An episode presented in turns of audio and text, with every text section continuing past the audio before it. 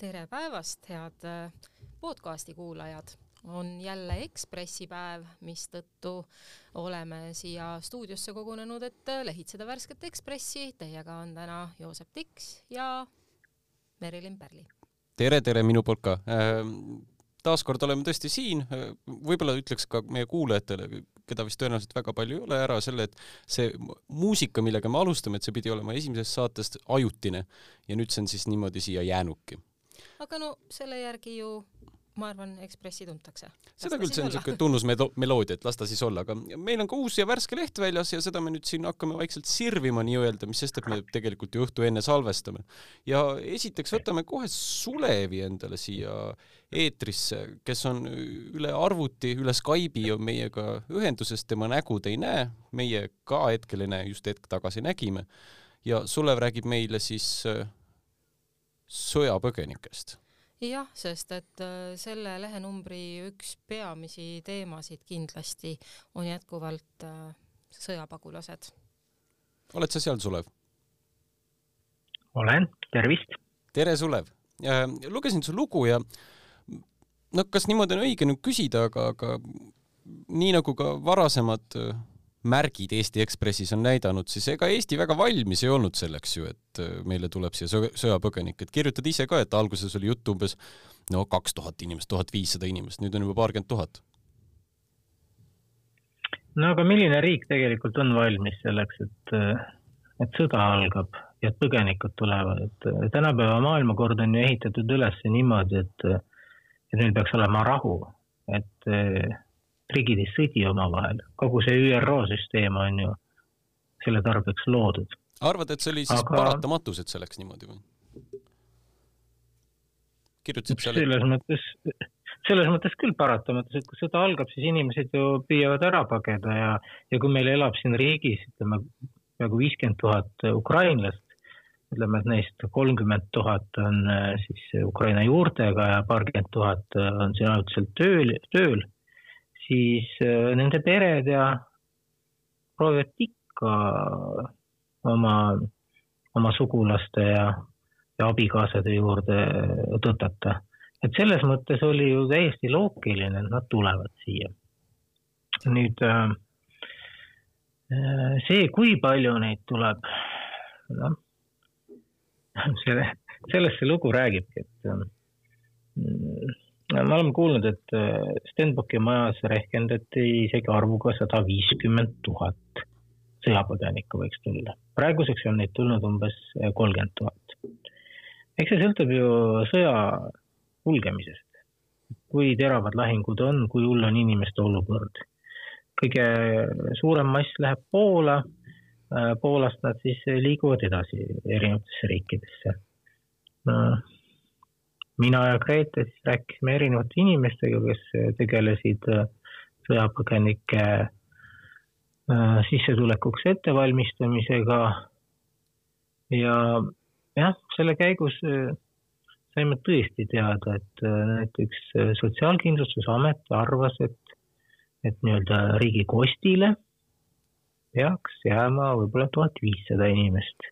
tegelikult on neid praeguseks üle viie tuhande asi on selles, et sugugi mitte kõik ju inimesed ei jää riigi majutusele ülalpidamisele, et enamik neist, kes siia on tulnud, need, need elavad siis oma perede juures, üürivad ise kuidagi, saavad, saavad hakkama, aga osa on jah, selliseid inimesi iga kuues sisuliselt, kes peab riigilt abi otsima no sa ütled, et äh, normaalne on, et on äh, rahu, kahtlemata, aga normaalne on ka ju, et ei juhtu õnnetusi, ei toimu looduskatastroofe ja nii edasi, ometi me peame normaalseks, et äh, igaks juhuks sellisteks asjadeks vähemalt paberi peal ja siis ka organisatoorselt ähm, valmistutakse, tehakse vajadusel isegi õppusi selleks, et kui peaks midagi juhtuma, oldaks selleks valmis. millal Eesti hakkas neid ettevalmistusi tegema paberi peal ja ametkondlikult? Ähm, seda, et sõda võiks tulla, hakati ette valmistama oktoobris. aga esi, esialgu see kõik käis ikkagi sõjaliselt, et noh, seal vaadati, et millised on Vene vägede paigutused, milline võiks olla oht Eestile, mida Eesti peaks tegema. ja siis jõuti alati ka põgenikeni välja. aga noh, see peamine aur meil on läinud ikkagi, ikkagi sinna, et, et kuidas Eestit kaitsta, kuidas abistada Ukrainat. ja võib-olla see tähtsuse järjekorras number kolm küsimus siis on, on olnud põgenike küsimus kas sellega tuldi toime? Äh, noh, selles mõttes on tuldud ju, et ükski põgenik ei ole meil jäänud välja ula peale, et nad kõik on saanud endale mingi elamise, et äh, neil on katus pea kohal, nad saavad ka süüa. Äh, selles mõttes jah, tuldi toime, aga segadust on olnud päris palju. muuseas, ka selle juhtimise osas on olnud segadust, et üheteistkümnendal märtsil hakkas kogu põgenikega tegelemist äh, koordineerima Politsei- ja Piirivalveamet. seda nimetati siis äh, massilise sisserände hädaolukorraks. ja sellise hädaolukorra plaanid on Eestil olnud juba, juba tükk aega olemas, ikka, ikka mitu aastat. Äh, väga kaua isegi, et seda reguleerib hädaolukorra seadus ja see seadus ei ole midagi uut.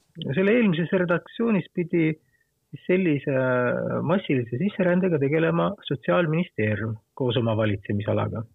aga viimane kord, kui seadust muudeti, siis ähm, läks see asi üle politseisündmuseks ja see anti Politsei- ja Piirivalveameti juhtida. nüüd äh, praegune kriis äh, tegelikult ei ole seda see, ta ei ole selline massiline sisserändekriis. nimelt, see massilise sisserände kriis näeb ette, et äh, põgenikud tulevad siia ebaseaduslikult, nad tungivad üle piiri. aga ukrainlased ju ei tungi üle piiri. Nemad tulevad rahulikult, me oleme ise neid sisse toonud siia bussidega. ja nad tulevad siia viisavabalt, neil on õigus siin olla, nad saavad siin ajutise kaitse. ehk tegemist ei ole sellise äh, kriisiga nagu Leedu ja Poola nägid äh, suvel, kui Valgevenest toodi iraaklasi üle piiri või neid kupatati. et äh, varem Eesti riik äh, valmistus samalaadseteks stsenaariumiteks, et näiteks üle idapiiri tuleb mingi ports illegaale või siis tulevad üle kagu- ja lõunapiiri, no näiteks sealtsamast Valgevenest.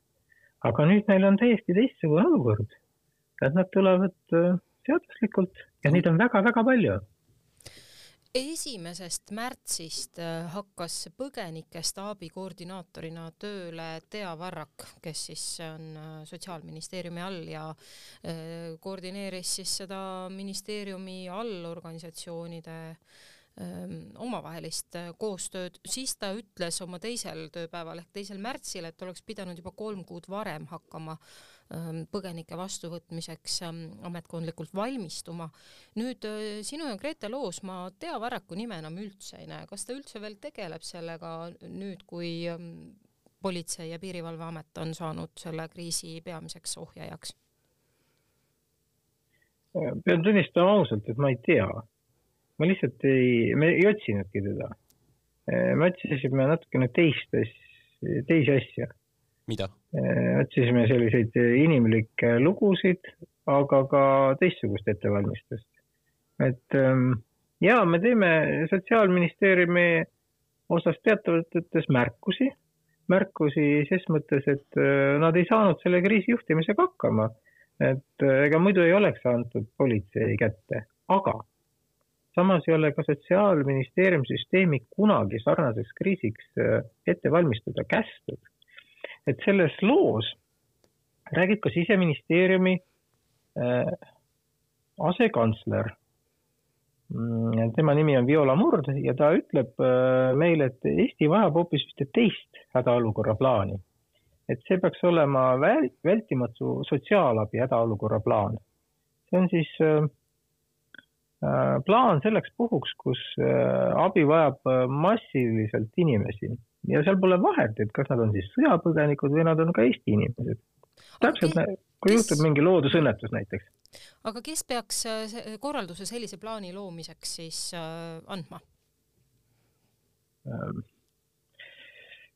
vastan ausalt, et ma ei tea, aga minu arusaamist pidi on meil hädaolukorra seadus, kus on ka üles nimetatud, et mis meil on hädaolukorrad. Ja seal ei ole kirjeldatud sellist võimalust lihtsalt, me peame seadust muutma. Aitäh sulle, aitäh sulle, Sulev. see ei ole ainus lugu tänases lehes, kus põgenikest juttu on. Äh, nii et äh, tasub lugeda, äh, muuhulgas on seal ka värvikas kirjeldus sellest, mismoodi siis Ukraina põgenikke hotellist laeva ümber korraldati ja seegi läks üle kivide ja kändude. eks sellest on siin varemgi ju tegelikult Ekspressiski juttu olnud, kuidas põgenikega on no ikkagi üle kivide ja kändude läinud see asi, et, et ega Sulev ja Grete kirjutasid niisamuti, et alguses see info et kes mida teeb, kus kes kellegi peale võtab, kuhu toob ja nii edasi, et see oli täielik katastroof ja kaos. Ja seda kaost on väljendanud ka äh, vabatahtlikud, kelle peal äh, väga suuresti seisab äh, see põgenike mm, logistiline roll, ehk siis neid, nemad on ära toonud neid sealt piiri äärest ja väga-väga omapäi on nad olnud selles tegevuses ja eks siit sellest Sulev Vedleri ja Grete Lehepuu artiklist tuleb ka välja, et riik ei oska vabatahtlikega koostööd teha, kommunikatsioon logiseb ma teeks siit muidugi nüüd hästi sujuva teemavahetuse, ma, ma, ma ei oska isegi öelda, kuidas see üleminek peaks siit minema, ma tahaks rääkida sinu artiklist, et ähm, no, see on kui, tõesti sujuv. jah, väga sujuv, et kui mõni kuulaja pärast suudab välja nuputada, kuidas need laused omavahel siduda, siis äh, aplaus talle. aga räägiks pornost Äh, täpsemini kirjutad siis, äh, alustad oma lugu ühest mürsikust, kes siis äh, no selline kümneaastane poiss ja vaatab telefonist pornot, jäi emale vahele. Ikka kindlasti paljudes peredes ette tulnud, aga, aga kas, võib-olla küsiks niimoodi, võib-olla noh, ütleme natuke provotseerivalt, et kas seal on siis midagi halba selles või, või midagi ootamatut, et laps telefon käes, vaatab saite, mille nimesid ma siin vist välja ei tohi öelda või tohin, noh no vahet ei ole, täiskasvanud inimesed nuputavad selle ise ka välja, kui väga vaja on. Äh, no vot, ma ütleksin äh, teadlase sõnadega, et lugesin palju teadustöid ja, ja suhtlesin teadlastega, et äh, lapse keha ei ole lihtsalt veel ähm, selliseks infoks valmis ja see võib sundida teda arenema suunas, kuhu keha omapäi arenedes veel ei äh, võtaks suunda, ehk et keha on ise tark ja, ja tunnetab ära, millal ta on üheks või teiseks sammuks valmis, aga kui laps äh, eakaaslase sellisel pahatahtlikul soovitusel satub leheküljele, kust avaneb ootamatu vaatepilt, nii et ta ise ka sellest kohkunud on, siis ta ilmselgelt ei olnud veel selleks valmis aga mis see lapsevanem siis tegema peab, et vastu näppe ja never again või? seda kindlasti mitte, vastupidi, hooliv lapsevanem küsib siiralt ja empaatiliselt, kuidas mis sulle sealt meeldis? kuidas laps sellise infoni jõudis, miks ta seda vaatas ja mida ta arvab, et ta nägi ja siis mhm. peaks muidugi sinna juurde käima ka selgitus, et, et see, mida ta nägi, on nagu mängufilm, et nii nagu Superman tõmbab filmis selga kostüümi ja, ja tegelikult ta ei lenda, siis äh, samamoodi need äh, filmid või, või fotod või klipid ei äh, peegelda reaalsust. tegelikkust, reaalsust, jah aga mis see normaalne vanus oleks? Ähm, ütleme, et näiteks esi-, kirjutasid ka nendest esimestest kokkupuudetest pornoga, et, et kus see hetk peaks langema, kus siis äh, võiks eeldada, et inimene hakkabki noh, nendel saitidel käima, VHS-e vist mitte väga enam vaatama või, või kokku puutuma üleüldse pornograafiaga? jah, loo fookus on siis sellel, et, et see juhtub tänapäeval üha varem, kui lapsed pornoga kokku puutuvad, just nimelt sellepärast, et kui äh, mõnikümmend aastat tagasi ähm, esimene kokkupuude oli mõne pornoajakirjaga, mis tänapäeva mõistes paljude jaoks on pigem erootika, siis äh, edasi tulid juba vanemate salvestatud VHS-id, mis sisaldasid materjali, mis ei olnud päris teismeliste silmadele mõeldud, aga mida siis niimoodi sõpradega ikka vahel kihistades vaadati. sealt edasi juba avastati igasugused ähm, voogedastuskeskkonnad ja spetsiaalsed internetikeskkonnad, siis äh, nüüd on nii, et äh, sageli juhtub, et juba lasteaia lõpuks kingitakse nutitelefon või tahvelarvuti ja laps siis äh, läheb sinna otsima mingisuguseid endale huvitavaid asju, aga võib kogemata sattuda lehekülgedele, mis ei ole lastepärane sisu. nii et äh, eks äh, kõigepealt peaksid vanemad muidugi hoolitsema selle eest, et lapsed äh, ei satuks kohakuti infoga, mis ei ole neile eakohaselt veel vastuvõetav. Ja, ja eks see seksuaalkasvatus äh, peab algama niimoodi järk-järgult, et vanem ei peaks olema ka see nii-öelda ukseavaja, aga tuleb jälgida lapse arengut ja, ja kui tal on äh, teemakohaseid küsimusi, siis sellele vastama, mitte ütlema, et oh, kui suureks saad, küll sa siis teada saad, siis see laps saab seda, seda infot juba elukoolist. Sul oli väga põnevalt ka seal artiklis kirjas erinevad sellised kokkupuuted esimest korda pornoga, et üks oli selline, kuidas see inimene kirjeldab, kuidas ta oli üheteistaastane, salvestas muidu pere, igasuguseid perefilme nendele kassettidele. ja siis ükskord oli film Sada üks Dalmaatia koera, mis üldse ei olnud Sada üks Dalmaatia koera, vaid sinna peale oli salvestatud, nagu ta ütleb siis, sada üks meest ühe naise ümber aga ja, ka laps oli šokis, aga samas oli põnev ka. tema ja ütleb, et pigem tundus põnev äh, seda nagu vaadata ja avastada, et, et äh, kui nüüd see üheteistaastane lööb veebis lahti näiteks selle äh, pornosaidi, kas see siis tundub ka niimoodi põnev või seal on see mängulisus siis kuidagi kadunud või?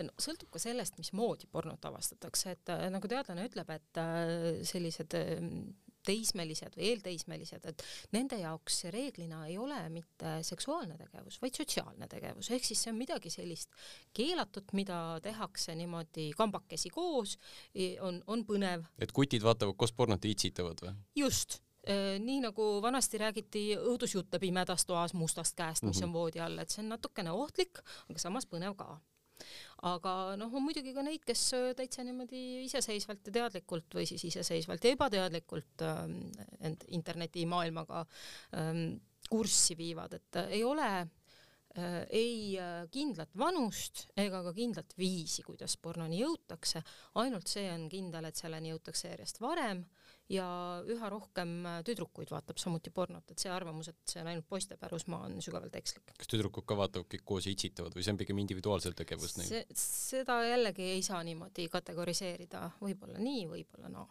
aga mis siis tegema peaks, et ütleme, ongi laps lõpetab lasteaia, saab omale selle nutitelefoni on ju kingituseks ja vaatab sealt pornot, et kuidas see lapsevanem siis reageerima peab, et noh, seksuaalkasvatuseni on ka veel kõva mitu aastat aega, et, et äh, kas siis peaks piirama see, noh, sa alguses et selgitama. vanemad panna võib-olla mingisugused äh, leheküljed kinni, et laps sinna isegi ei satuks.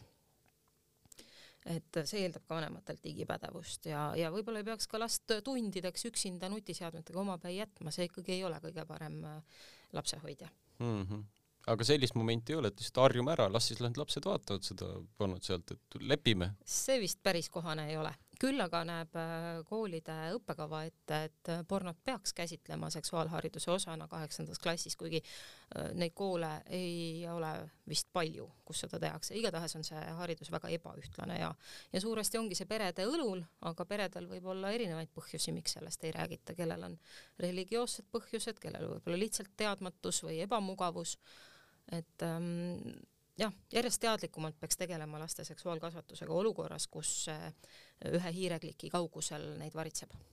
aitab pornost? aitab pornost jaa, räägime parem äh, ühest teisest äh, meediamajast. jah, meil siin üle tee ju täiesti ERR on olemas, et kirjutasin, täna peaks minu arust, õigemini me nüüd salvestame päev enne, et teisipäeval on siis vestluskandidaatidega ja kakskümmend kuus aprill peaks selguma, et kes saab ERR-i uueks juhiks ja need kolm äh, kandidaati, kes on jõudnud lõppvooru, on mõtle, millised natuurid nad on kõik, et ma esiteks äh, ütleks, et äh, tegelikult on nendest kõigist kin-, kõigist nendest kolmest, Eerik Roosest, Merit Koplist, Mart Luigest, ma võin kihla võtta, et tegelikult oleks materjali piisavalt, et neist lausa, lausa on ju raamat kirjutada. plaanid sa seda teha? ei. kahju ma, ma, aga lihtsam on ju kirjutada artiklikest, onju, et, et see on palju lühem ja kontsentreeritum, aga noh, ma panin artiklisse pealkirja, et, et kuidagi üritasin neid iseloomustada, neid kolme, et üks on natukene nagu optimeerija, Roos on selline vana ärijuht, onju, et, et tema on hästi kodus sellise ähm, numbrimaailmaga, et, et tunneb neid tabeleid ja teab, kuidas äh, riigi rahakotist siis vastavalt õi-, jaotada, on ju, sellele majale seda raha. ja ta on vist selle viimase viie aastaga ennast ka juhina tõestanud ta saab hakkama jah, et, et no viimane jama on see uue maja ehitamine, aga see on täiesti teine teema, et seda ma isegi ei hakanud seda ei saa vist ühe isiku peale just, taandada. tõenäoliselt see oleks niikuinii kõigil vaja teha, on ju seal. Äh, Merik Koplin on ajakirjanik, et tema puhul on see, et, et äh, noh, kui ERR-i juhtides võib-olla peab selliseid karme otsuseid vastu võtma ja kõigile midagi jagama, et, et kui palju siis on ju Kopli on nüüd ajakirjanik ja kui palju ta oleks ärijuht, et see on nagu küsimus, kui palju on kaiki südant, on ju. Et see, selles osas, aga, aga ütleb... kas sa siin lähtud soostereotüübist, et äh, naine ei suuda olla sama kalk kui mehed? ei, just nimelt see, et ta on öö, äh, oma erialalt ja terve elu olnud ju peatoimetaja, et või võib-olla ta siis äh, vaatab pigem positiivselt sellele uudisvoo küsimusele, sellised asjad nagu näiteks, ma ei tea, menu või osoon või nii edasi, et kas nad kas nad jäävad pigem tema fookusest välja või mitte, ei tea. aga noh, siin ma ju lihtsalt spekuleerin, ta ei ole on ju juht olnud. seda enam, et juhatuse esimees ei peakski kuidagi mm, ajakirjanduslikku sisusse sekkuma. just, just ja noh, Roose puhul seda on ka välja toodud, et tegelikult on ju tore, et ta seal juhina on tegelikult tegelenud isoleeritult ERR-i kui tervikuga, et ta ei ole sinna Samosti ukse taha koputama läinud, öelnud, et kuule, miks see uudis on selline või taoline. ma pean muidugi ütlema, et Samostil ei ole ust, et see on samasugune avatud äh, toimetus nagu meilgi siin. või ütleme, Samosti laua taha ei ole läinud, onju, või üle laua rääkinud temaga. Äh, ja viimaks on siis Mart Luik, kes on selline hästi vastuoluline tegelane tegelikult, sest ma küll kir-, pealkirjastasin tema selliseks arhetüübiks lammutaja, sest ta on nii mitmeski ettevõttest läbi käinud ja siis teinud neid raskeid ja kalke otsuseid, et keegi tuleb koondada või miski tuleb kinni panna või tuleb teha radikaalne muudatus. et kui äh, nõukogul peaks olema selline meelemuutus, et senist kurssi mitte jätkata ja teha mingi ra väga radikaalne muutus, et nüüd paneme selle kinni või, või nüüd teeme, paneme need kaks asja kokku või nii edasi, et siis kindlasti ma arvan, et Mart Luik muutub nende silmis palju nagu väärtuslikumaks tööriistaks. aga, aga noh, viis Sama... aastat ainult lammutada ka ei saa.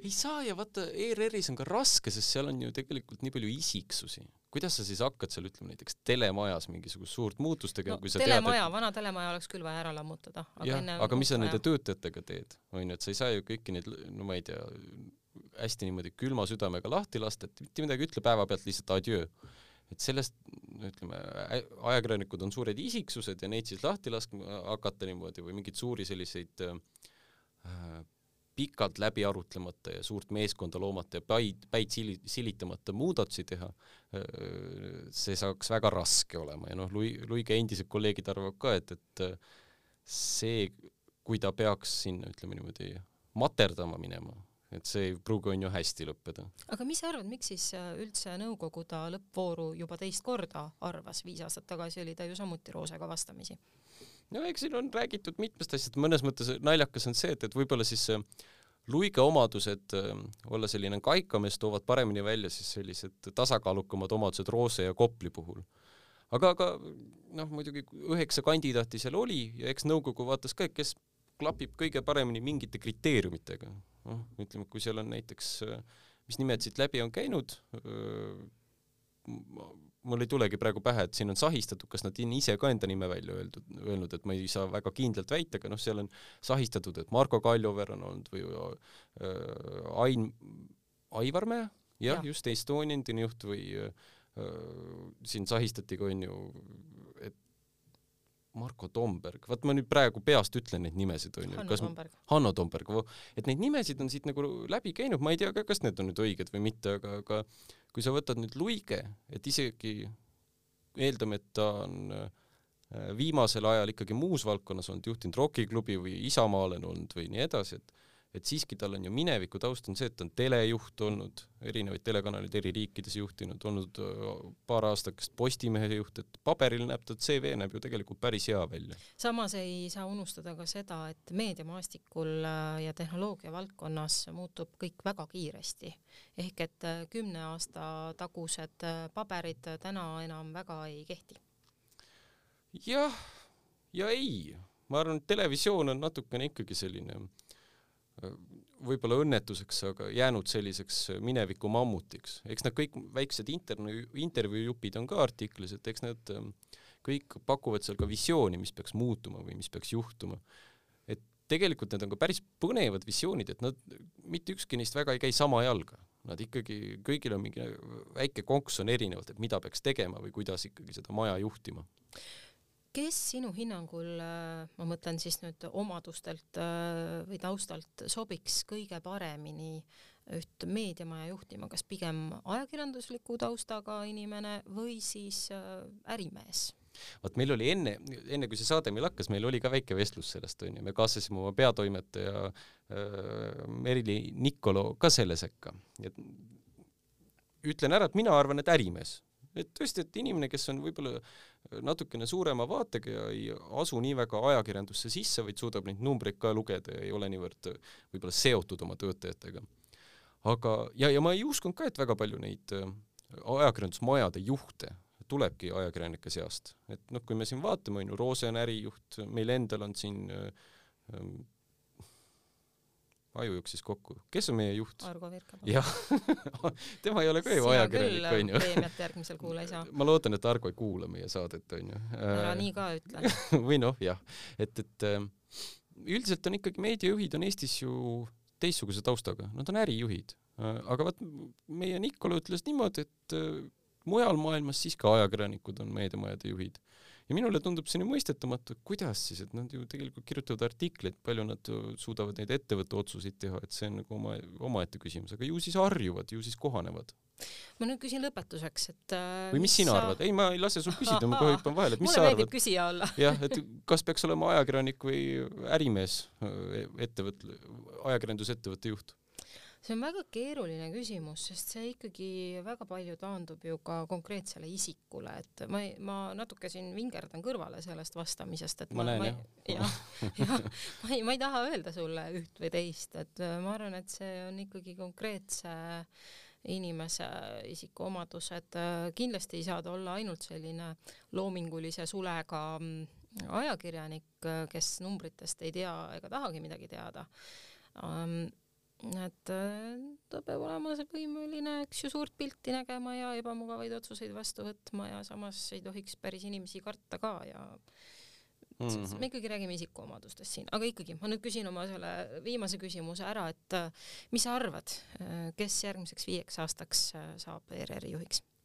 no nii nagu ma ka artiklis kirjutan, on ju, et noh, nõukogul oli otsus olemas tegelikult, nad ei nii tahtnudki oli. seda konkurssi mm -hmm. teha, Erik Roosse oleks pidanud nii või naa jätkama et väga keeruline on selles olukorras, kui muidugi konkursisse siseneda, kus tegelikult sa juba tead, et nõukogul on oma favoriit olemas. ma isegi imestan, et nii palju neid avaldusi tuli, seda enam, et see konkurss tehti ju ähm, ütleme näotult lühikese tähtajaga ja ju inimesed olid valmis, Mart Luik juba teist korda onju. no tal oli CV olemas, ta lükkas sellesama avalduse teele. võib-olla motivatsioonikirja isegi... kohendas natuke. ei tea, võib-olla lihtsalt muutis kuupäeva ära.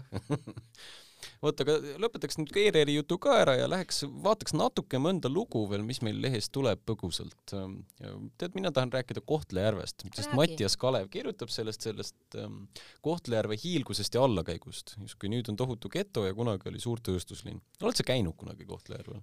ma pean tunnistama, et ma olen sealt ainult äh, maanteed mööda läbi sõitnud. aga ma olen teinud mitmeid katseid, ma käisin nimelt eelmisel suvel vähemalt kolm korda Ida-Virumaal ja seda oli kõige rohkem ühe suve kohta kokku. Äh, käisin spetsiaalselt Sillamäel, käisin äh, Narvas ja kolistasin läbi palju väikseid kohti mm. -hmm. aga Kohtla-Järvele ei jõudnud? Kohtla-Järvele ei jõudnud vot see on nagu siuke imelik moodustus minu arust. no ta ei ole ju isegi ühes kohas. jah, selline... liidetakse neid omavalitsusi sinna külge, mida nagu mujal ja. ei taheta, mingi Viivikonna, noh, keegi ei ela seal, lagunenud koht on ju Ahtme, Jõhvi külje all täiesti, aga ikkagi millegipärast Kohtla-Järvega liidetud ja nii edasi aga mul on siuke lugu, mult rööviti kunagi telefon ära Kohtla-Järvel. ma sattusin öösel seal ringi liikuma ja noh, siis mingisugused sellised patsaanid tulid ja näitasid nuga ja võtsid telefoni onju kas sa politseisse avalduse tegid? ja, ja me politsei onu veel siirutas minuga paar korda linna peal autoga ringi, et kas ma näen neid äkki, aga ei näinud ja noh, läks, aga noh, õnneks oli ka, see oli küll mingi iPhone, aga vana iPhone ja tolleks hetkeks ma arvan, ta oli umbes selline, et aastake veel ja ma oleks pidanud ta nii või naa välja vahetama. väga, aga väga ehmatas, pimedas öös mingid tüübid tulevad, onju. esialgu küsisid suitsu muidugi nii, ühesõnaga, mm, mis siis sinu diagnoos Kohtla-Järvele on? Ma ei tea, ta on nii unustatud linn kuidagi, käid mujal linnades, Kuressaares käid või Pärnus käid või Valgas käid või Võrus käid, elu nagu, ta on küll siuke provintsielu, aga elab ja kasvab ja areneb. aga pff, mis toimub Kohtla-Järvel, inimesed kuidagi otsivad tikutulega tööd taga onju ja jah, ega seal nüüd ülemäära ilus ka ei ole ja nii edasi, et tal oleks mingit niisugust oma asja vaja, noh muidu ta on ju tööstuslinn, aga tööstus vaikselt hääbub seal ümber.